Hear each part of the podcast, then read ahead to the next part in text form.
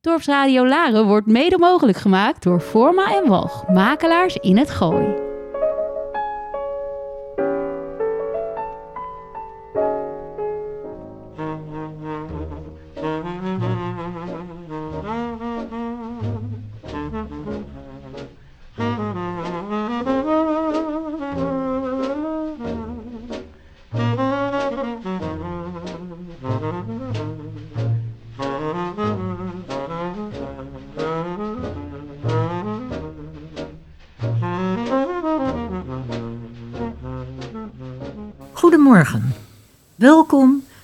Bij Praatvogels, aflevering 32. Elke zondag om 11 uur vertellen wij u verhalen van Dood en leven, Verdriet en vreugde. jong en oud. Haat en liefde. Zin en onzin.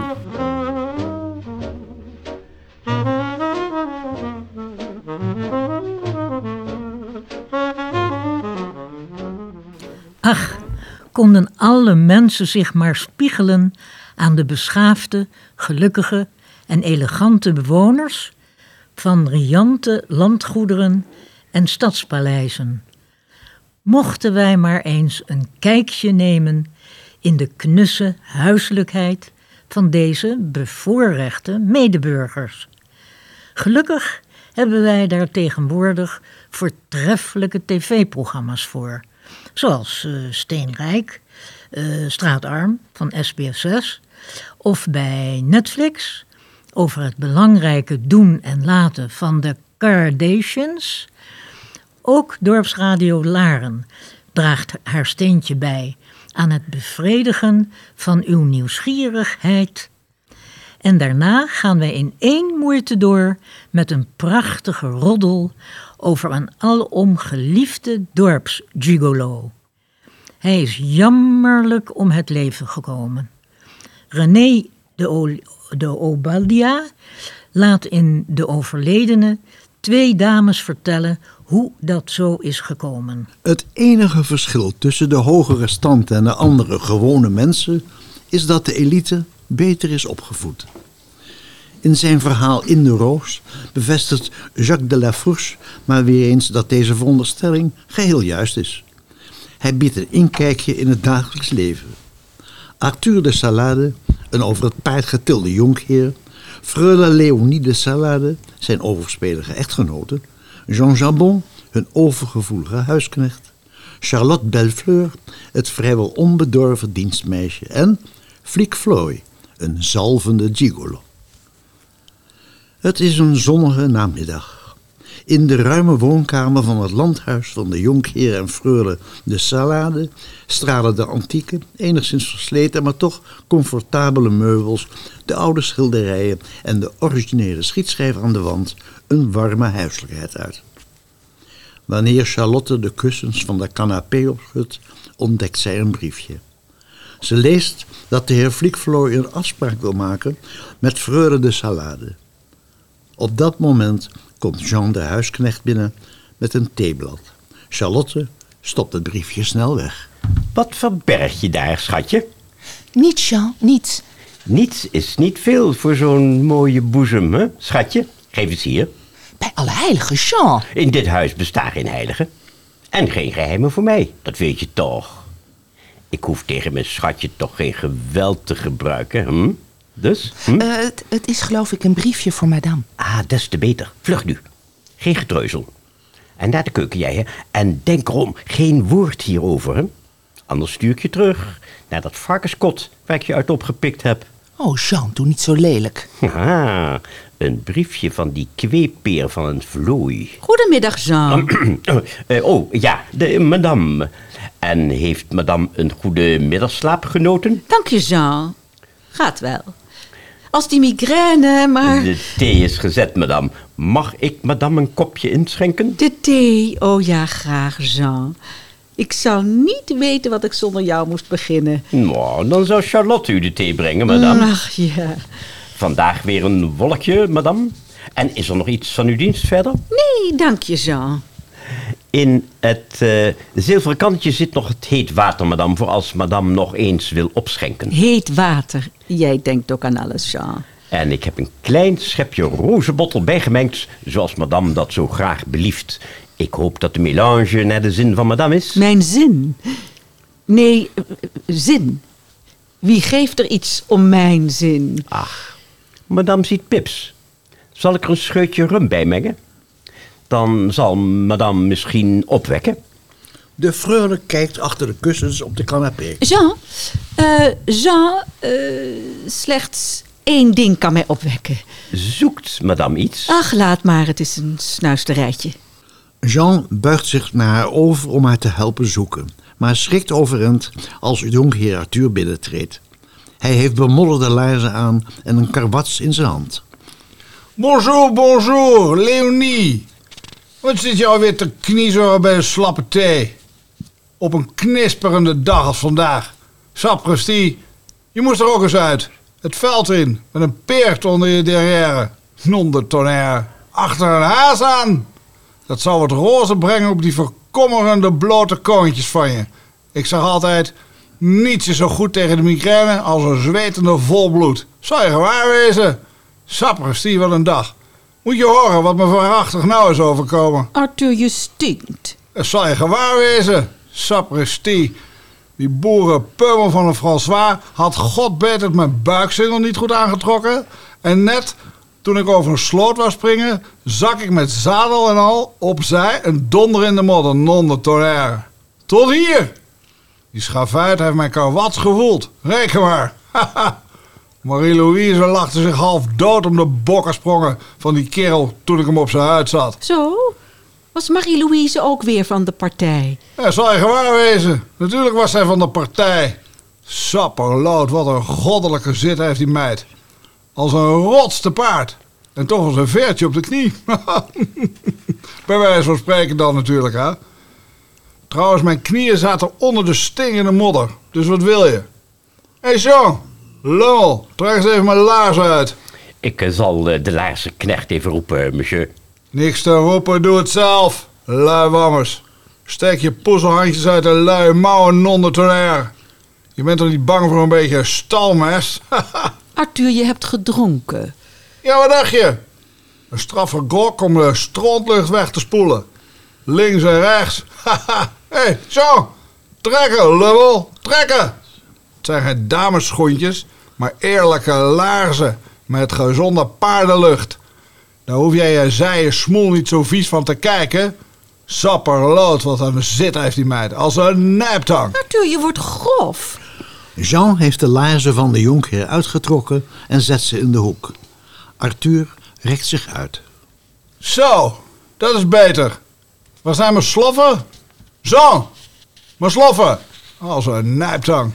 Je moet oppassen dat ze die tussen neemt. Zou je gewaar wezen. Uw uh, sloffen, monsieur. Trek ze aan. Zie je niet dat ik op- op het ogenblik zelf niet bij mijn voeten kan? Waarachtig, als die meid op een loop van een kanon zou zetten... dan wil ik wedden dat ze het ding nog in galop zou kunnen Oh brengen. ja, Arthur. Alsjeblieft, gedraag je. Nou, kom, kom. Hij kan wel een stootje hebben, hè, vent? Eh, mag dat alles wezen, monsieur? Breng me de whisky als je slappe hanglip daar tenminste nog iets van heeft overgelaten. Denk erom, God ziet alles, hè? Ik eh, zal Charlotte zeggen de whisky u te serveren, monsieur. En haal mijn oefenpistool met een doos patronen uit de wapenkamer. Gisteren had ik op zes schoten maar vijfmaal de roos. Ik word aftans, geloof ik. Arthur, niet weer. Arthur, niet hier, dat geknal. Nou, Als u mij toestaat, eh, monsieur. Madame heeft slecht gerust en heeft migraine. Ja, bemoei je met je eigen zere hoofd, lummel. Schiet op, anders zal ik de schijf op je gestripte zitdeel prikken. Ik ben dol op een mooi bewegend doel. Arthur, je gaat te ver. Ah, madame, het is niets. Monsieur schertst alleen een beetje. Scherts ik? Zou je gewaar wezen? Arthur, kan je die talen manieren niet voor in de stal bewaren? Een stevige behandeling heeft zo'n zijen slampamper nog nooit kwaad gedaan. Ik wens geen livlaf in dit huis, geen geflik en geen geflooi. Behalve natuurlijk met jou, mijn hartje. Arthur, alsjeblieft. Haha, dat is fraai. Mijn wettige wederhelft misgunt mij wat mijn beesten mij niet weigeren. Namelijk een klein blijk van aanhankelijkheid en toewijding. Arthur, ben jij gelukkig? Redelijk wel. Alleen die vervloekte buikzingel van vanmorgen zit me dwars. Ja, maar ik bedoel... Ik bedoel niet gelukkig met je paarden, maar met mij. Ja, wat wil je nou weer? Ja, soms denk ik dat, dat de wegen onze zielen wel ver uiteenwijken. Jouw liefde tot het brute dier en, en mijn hunkering naar schoonheid, naar menselijke warmte en begrip. Schoonheid, warmte, begrip, poepoe. Mijn brute Barbarossa, zoals jij mijn edelrijder belieft te noemen... is in elk geval schoner dan die vat van een vlooi... die ik hier tegenwoordig veel vaker zie rondscharrelen dan mijn lief is. En waarschijnlijk is mijn Barbarossa warmer... dan ook de ongeschupte blatende vis. Zou je gewaar wezen? En wat begrip betreft, Barbarossa heeft genoeg aan een aai over zijn achterstand om in galop te gaan. Terwijl die vlooi van jou waarschijnlijk niet eens een behoorlijke achterstand heeft. Uw eh, wapentuig, monsieur. Geef hier, non de tonnerre. Kaffer, rund, uilskuiken. Sinds wanneer past een hagelpatroon in een pistool? Heb je geen hersens onder je pomade kop zitten? Ik zal je het verschil tussen een schot hagel en een, schot en een kogels in je broek laten voelen, sukkel. Zal het wel weer zelf gaan halen. Het verbaast me nog dat je niet met pijl en boog komen aanzetten. Eh, het spijt me als ik monsieur uit zijn humeur heb gebracht. eh, Spijt je dat? eh, voor u, monsieur.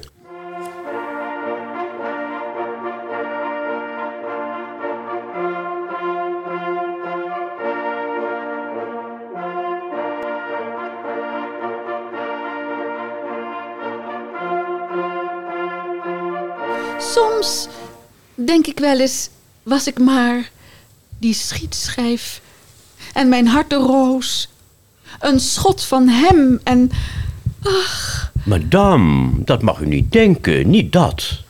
Misschien, madame, is uw hart wel een roos voor een andere schutter. Hoe bedoel je dat, Jean? Niet iedereen schiet met hagel, madame. Er zijn er ook die met een vurige pijl een strak gespannen hartensnaar laten trillen. Misschien nam ik toch een pijl en boog mee. Mag ik madame nog eens inschenken? Maar is zijn pijl wel op de goede roos gericht? Oh, gewis. Als de schutter wist dat de roos zich voor hem zou ontvouwen. Nou ja, dat hangt er vanaf wie de boog hanteert, Jean.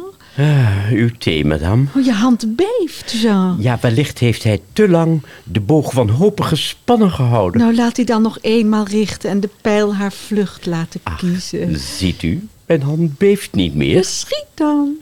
O, mijn roos, mijn roos, madame, ontvang mijn pijl. Hij siddert in mijn hart. Oh, Jean. Leonie zijgt in zijn armen en ze kussen elkaar onder de schietschijf. Op dat moment komt Arthur binnen, met een pistool in de hand.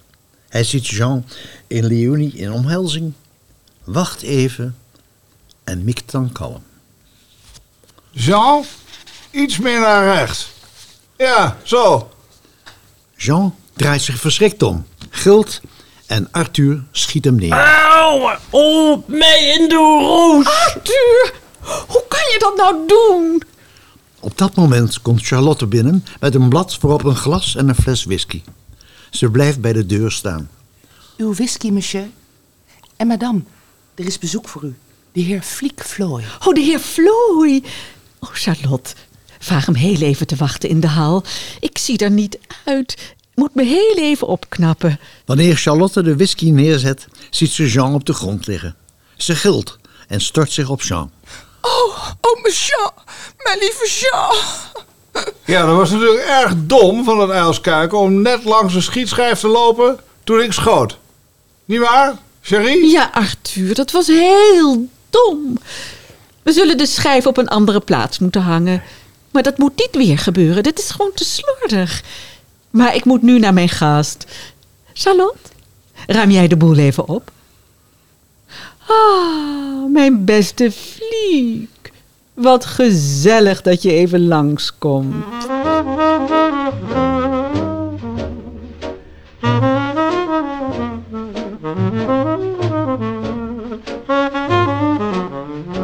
De overledene. Naar een toneelstuk van René de Obaldia. Beiden, mevrouw Cornelia Pretzel en Julie Tulip, wonen in hetzelfde dorp en zijn patiënt bij dezelfde aardige huisarts. Ze hebben een uitnodiging ontvangen voor de jaarlijkse griepprik en treffen elkaar in de wachtkamer. Julie, een jonge weduwe, heeft op de basisschool nog les gehad van mevrouw Pretzel, die inmiddels met pensioen is.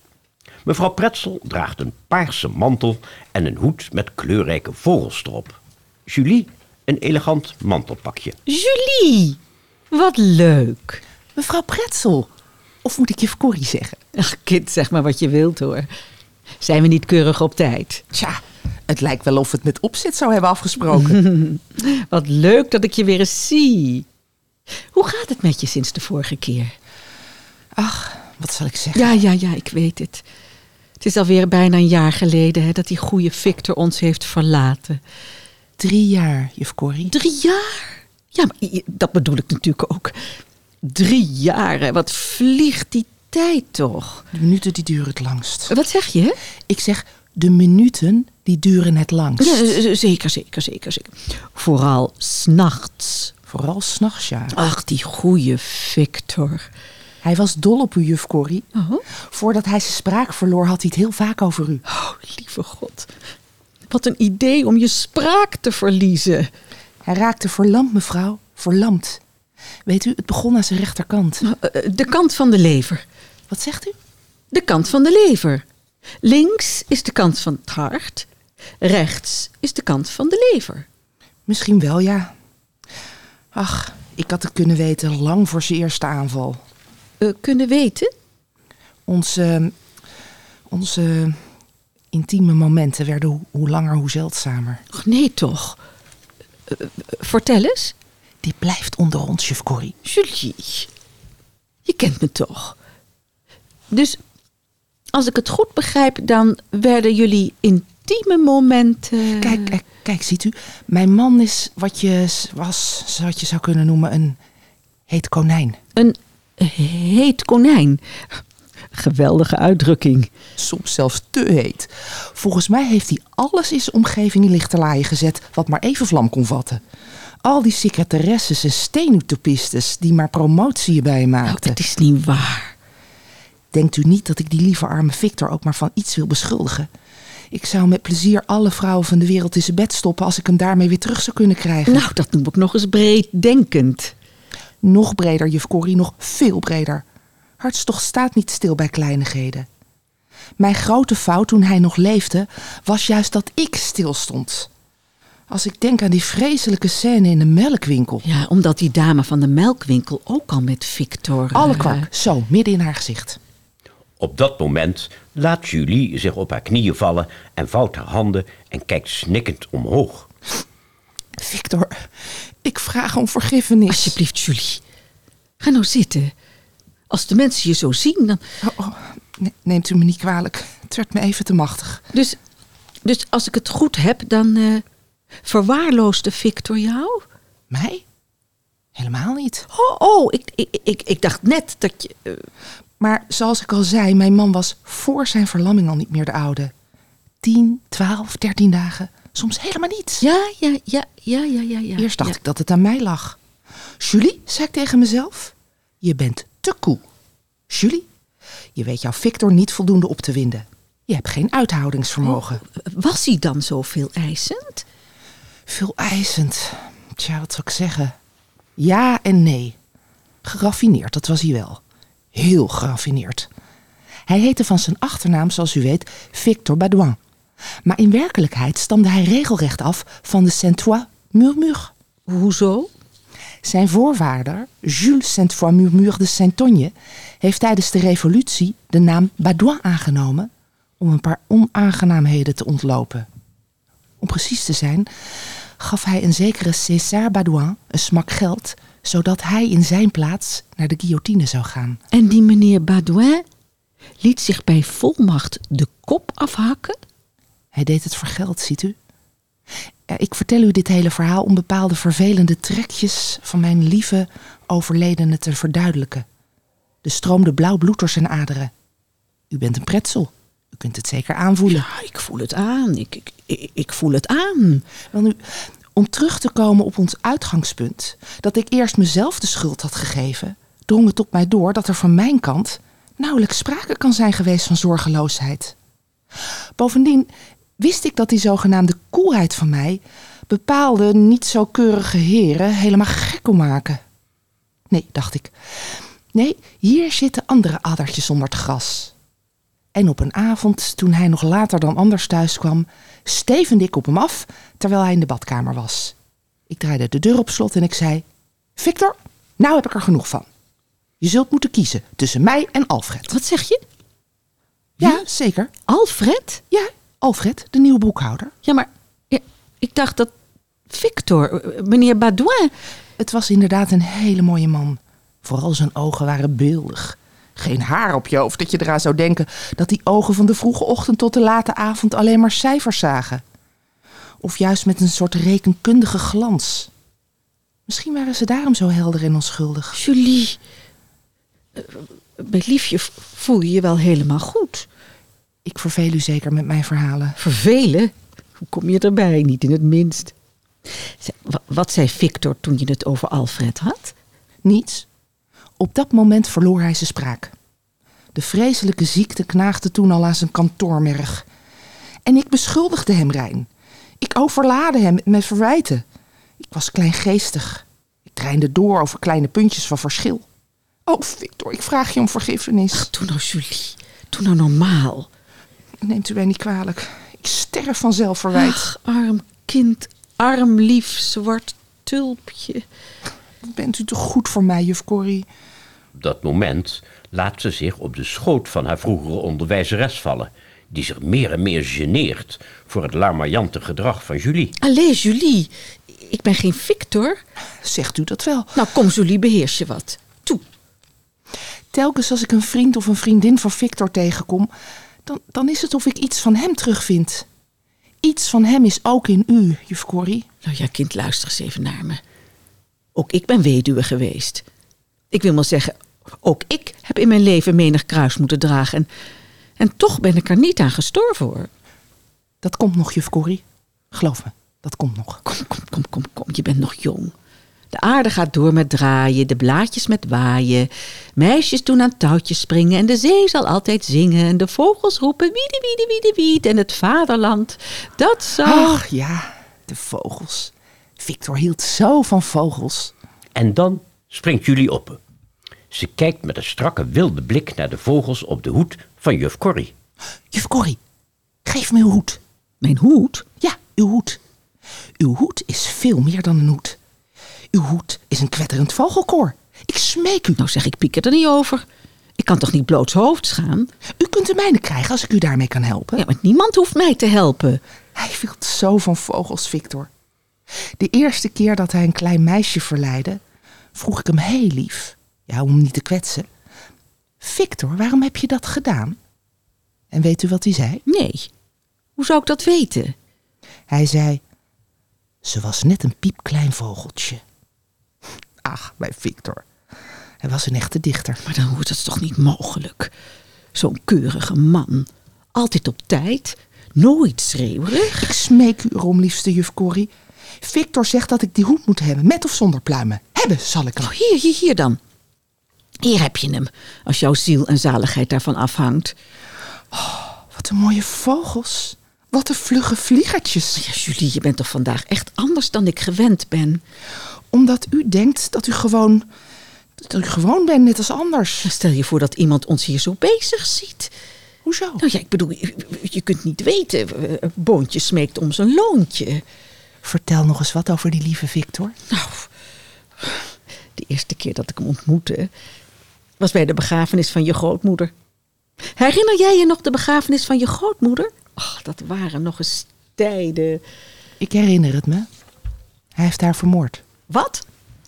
Natuurlijk is het op een bepaalde leeftijd beslist onbehoorlijk om niet dood te gaan. Niet alleen onbehoorlijk, maar zelfs immoreel. Inderdaad, ja. Zal ik u het verhaal vertellen? Nou ja, wordt het dan niet te laat? We babbelen maar en babbelen maar en de wijzers van de klokken draaien maar door. Mijn grootmoeder was net zoals veel andere oude mensen dol op jam. Vooral aalbessenjam. Aalbessenjam? Hmm. Ze kon haar ziel verkopen voor één enkel potje. De hele familie zat op een zondag in april gezellig bij elkaar. Toen wij allemaal zagen hoe Victor zich over het oude mens heen boog en een paar woorden in haar gehoortoeter liet glijden. Tien minuten later waren alle stoelen leeg. Waar zouden ze zijn? In de kelder had Victor haar klem gezet tussen twee jampotten en er vervolgens gegrepen. Toen wij kwamen was dat te laat. Ze was dood. Dood? Zo ziet u, lekker is maar één vinger lang. Natuurlijk hielden wij allemaal de kies op elkaar. Iedereen deed net of hij niets gezien had. Onze familie is erg gesteld op eerbaarheid. Wist u trouwens dat Victor officier was van het legioen van de eer? Dood? Och, ik krijg het er benauwd van. Kom nou, juf Corrie. U gaat er toch niet tussenuit? Oh, ik zou het best wel willen. Ik, ik heb frisse lucht nodig. Zet het raam open. Oh, laat de vogels binnen. Wilt u uw hoed hebben? Hier, hebt u hem terug. God, en dan te bedenken dat ik met dat monster naar bed ben geweest. Wat? Wat zegt u daar? Zo'n punctuele man. Die lieve Victor. Je... Julie, zeg dat het niet waar is. Lieve Victor. ik heb het. Dat moet geweest zijn tussen de 21ste maart en de eerste helft van juli. Ik zei nog tegen hem: Wat doe je op het ogenblik, lieverd? En hij antwoordde alleen maar met een vlindertje in zijn ogen: Ach, niets bijzonders. Ik maak wat pret. Ik pretsel een beetje. Dat was het dus. Oh, mijn hoofd. Mijn arme hoofd. Victor, ik vraag je om vergiffenis. Ik moet je het leven wel zuur gemaakt hebben dat je bij die oude taart troost hebt moeten zoeken. Nou zeg, wie heeft het hier over een taart? Vergeef me, lieverd. Ach, wat is er toch nog veel dat ik niet van je weet. Wie ben ik eigenlijk nog? Oh, vreemd lot van mij. Waarom kan ik niet meer zijn wie ik was? Mijn verlies is zoek. Maar wat heb je dan verloren, Julie? Ik bedrieg mezelf en ik bedrieg Victor. Niet, niet boos op me zijn, Victor. En nu ben ik weduwe. Door mijn eigen onachtzaamheid. Wie bent u eigenlijk, juf Corrie? Een vriendin. Echt een vriendin. Ach, de wereld is zo klein. Vooral wanneer een onverdraaglijke pijn heerst. Kunt u me zeggen, juf Corrie, of het waar is dat een lichaam in vloeistof gedompeld opwaartse druk van onderen ondervindt en dan zo sterk dat het kan stijgen tot de sterren? Ja, dat is waar. Goed, dan ga ik me verdrinken. Zeg toch niet zulke gekke dingen. Blijf nog even eventjes zitten, hè? Alles wijst erop dat je verschrikkelijke beproevingen hebt moeten doorstaan. Beproevingen doorstaat me niet. De beproevingen doorstaan ons. Heel, heel lang geleden hield ik van een man. Victor. Ja, natuurlijk, Victor. U heeft me zelf verteld. Alle vrouwen houden van een Victor. Ze moeten toch een monster hebben als excuus voor hun eigen leven? Nou, Julie. Jij weet de dingen wel pittig te formuleren. Mooie hoed hebt u op. Vind je? Hier, je mag hem hebben. Dank u wel.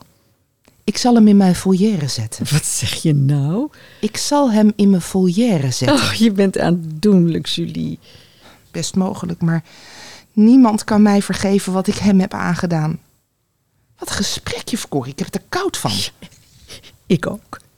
Ik voel me een ander mens. En dat moment van die grootmoeder en die jampotten.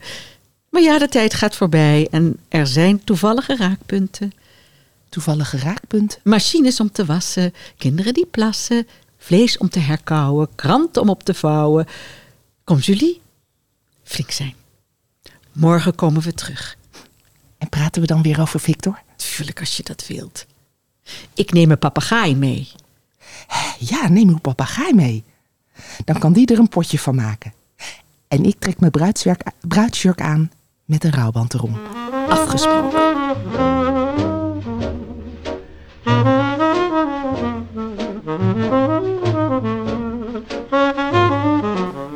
Dit was aflevering 32.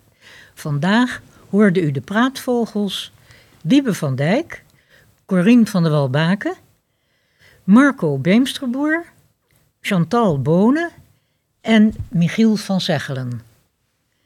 Mijn naam is Hansje Terlingen. Tot volgende week zondag om 11 uur. U kunt de praatvogels ook afluisteren op elk ander moment via Spotify. De praatvogels of via de podcast van Dorpsradio Laren.